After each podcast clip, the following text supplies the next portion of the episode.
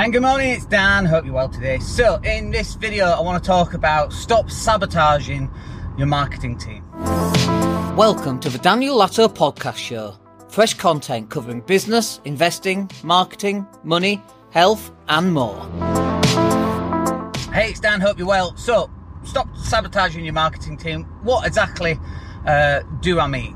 So, obviously, we run a lot of marketing campaigns for our clients, and um, sometimes it's Facebook ads, sometimes it's just content. It can be a mixture of those.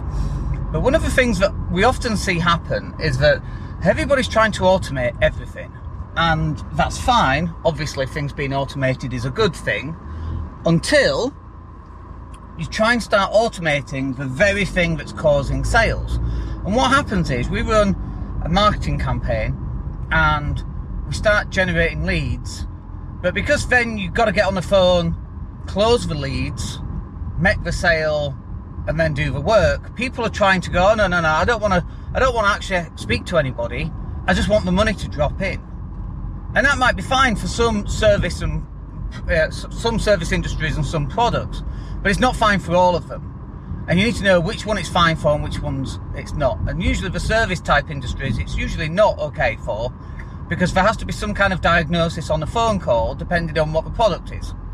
Uh, it could be a, a complicated service or you're doing a service for free and you just want to get on the phone, get some more information and to make sure that it's a good match, right? And then you go do the work.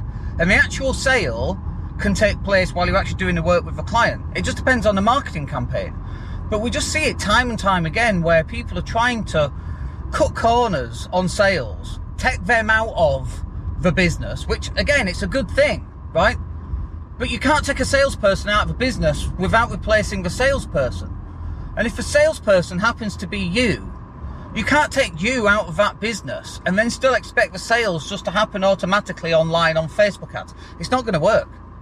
You're sabotaging all that good work that your marketing team has done for you. And so you have to understand what is the sales process.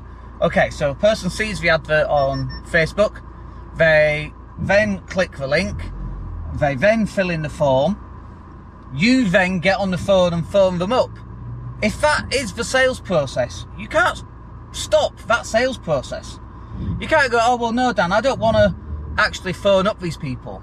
I just want the leads to drop in. I want them to place the order. I want them to click buy. Like, you can't automate everything. You can only automate the things that you can only automate. And the bit that you shouldn't be automating is the human touch sales process that's worked in your business or will work in your business because you don't want to phone people up. It's crazy. Automate the things that you can automate and give a human the things that need the human touch. And usually sales need a human touch. I can't get you onto a strategy call. It's not even a strategy call, is it? I can't get you to place a thousand pound a month content order without getting you on a strategy call. It's just impossible to do. Like, the, the, our customers want to feel that human touch. I can't automate that. I can't go, oh yeah, here's a series of four emails that's going to explain everything you do. Because you've got questions about your business. I couldn't automate that. So why would we try? And if we are going to automate part of that, it's by me getting somebody else to do those strategy calls that I've trained. I can't remove that human aspect out of that process entirely because the process relies on the human. And one of the other questions I ask is, okay, well, how many, uh, you know, I want to get out this process, Dan, and I'm like, okay, well, how many how many sales you made? And I go, I've made zero. So you want to get yourself out of the process that you've made zero sales on. What? And you think the process is going to be more improved? Because you're now not making those sales calls? Like, if you're on the sales calls and you're getting zero results, then what you actually have to do is go on a sales training course and learn how to sell properly and record those calls and work out where you're going wrong in the sales process because that's actually the issue. It's not an automated Facebook ads kind of thing. And it's knowing uh, along this sales funnel which bits you need to fix and which bits you need to leave alone. I guarantee, you know, we, we see this time and time again, by the way. We drive, we, we get Facebook ads clients, we drive a lot of traffic to the landing page. they fill in the form, okay, and then because there's no conversion after that, because the salesperson hasn't closed them, they're like, oh no, it doesn't work. Well, it does work. We've just got targeted traffic based on all sorts of different targeting factors for a certain type of audience. They've seen the advert, they've clicked the advert, they've gone to the landing page, they like what they see because they've decided to fill a form in, and then you've messed it up at the sales bit.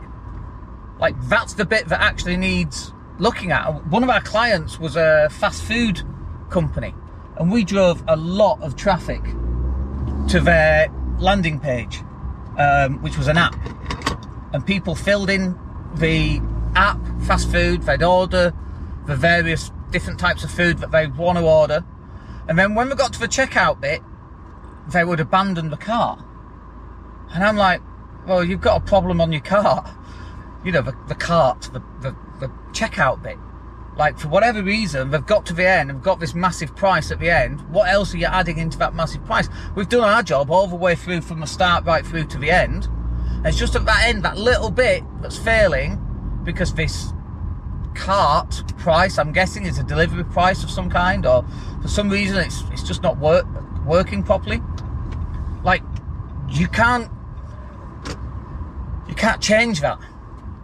You have to look at what is the process and at what point is the process failing and what point is the process working. But trying to automate everything, including sales, this is usually where it's going to go wrong.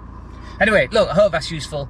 I hope it gives you a bit of food for thought. And if you if you're running Facebook ads, I'm hoping that you're going, oh, okay, maybe it is our sales process that's actually letting the, the bit down.